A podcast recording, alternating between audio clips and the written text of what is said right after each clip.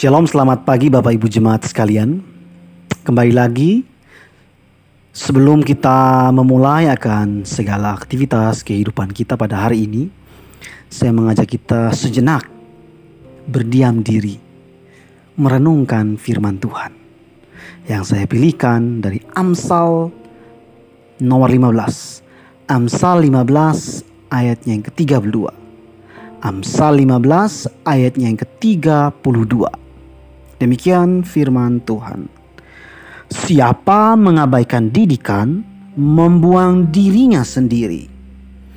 Tetapi siapa mendengarkan teguran, memperoleh akal budi. Sekali lagi, siapa mengabaikan didikan, membuang dirinya sendiri. Tetapi siapa mendengarkan teguran, memperoleh akal budi. Bapak Ibu jemaat sekalian, pernahkah kita melihat orang yang membuang dirinya?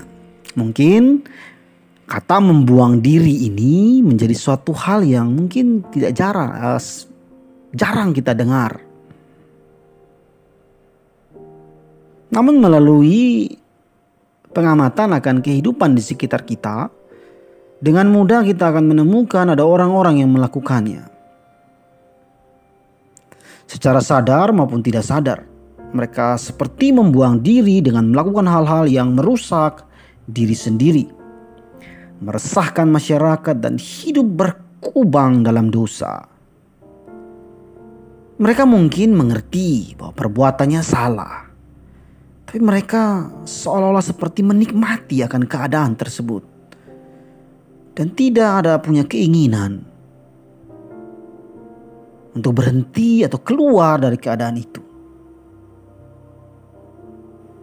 Mengenai hal ini, Alkitab berkata bahwa orang yang mengabaikan didikan termasuk orang yang menolak teguran.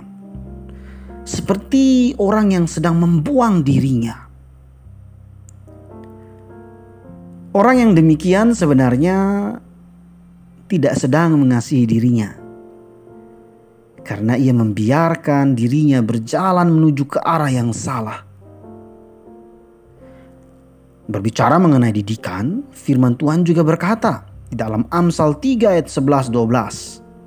Dikatakan di sana, "Hai anakku, janganlah engkau menolak didikan Tuhan dan janganlah engkau bosan akan peringatannya, karena Tuhan memberi hajaran kepada yang dikasihinya seperti seorang ayah kepada anak yang disayanginya. Demikian kata pengamsal. Hanya ketika kita membuka hati, maka kita akan memiliki kelembutan hati untuk menerima setiap didikan dan pengajaran dari Allah maupun dari manusia. Kehidupan ini terlalu berharga untuk disia-siakan dengan membuang diri di dalam kubangan-kubangan dosa. Melalui kehidupan yang telah ditebus oleh Kristus dalam pengorbanan yang begitu mulia. Tuhan Allah Bapa di surga menghendaki agar kita mempergunakan hidup kita sebaik mungkin. Agar kehidupan kita boleh menjadi kehidupan yang bermanfaat bagi sesama dan yang paling penting, memuliakan Tuhan kita. Memuliakan namanya. Bukan untuk dibuang atau disia-siakan dan menjadi batu sandungan, ganjaran bagi orang lain, bahkan mempermalukan nama Tuhan.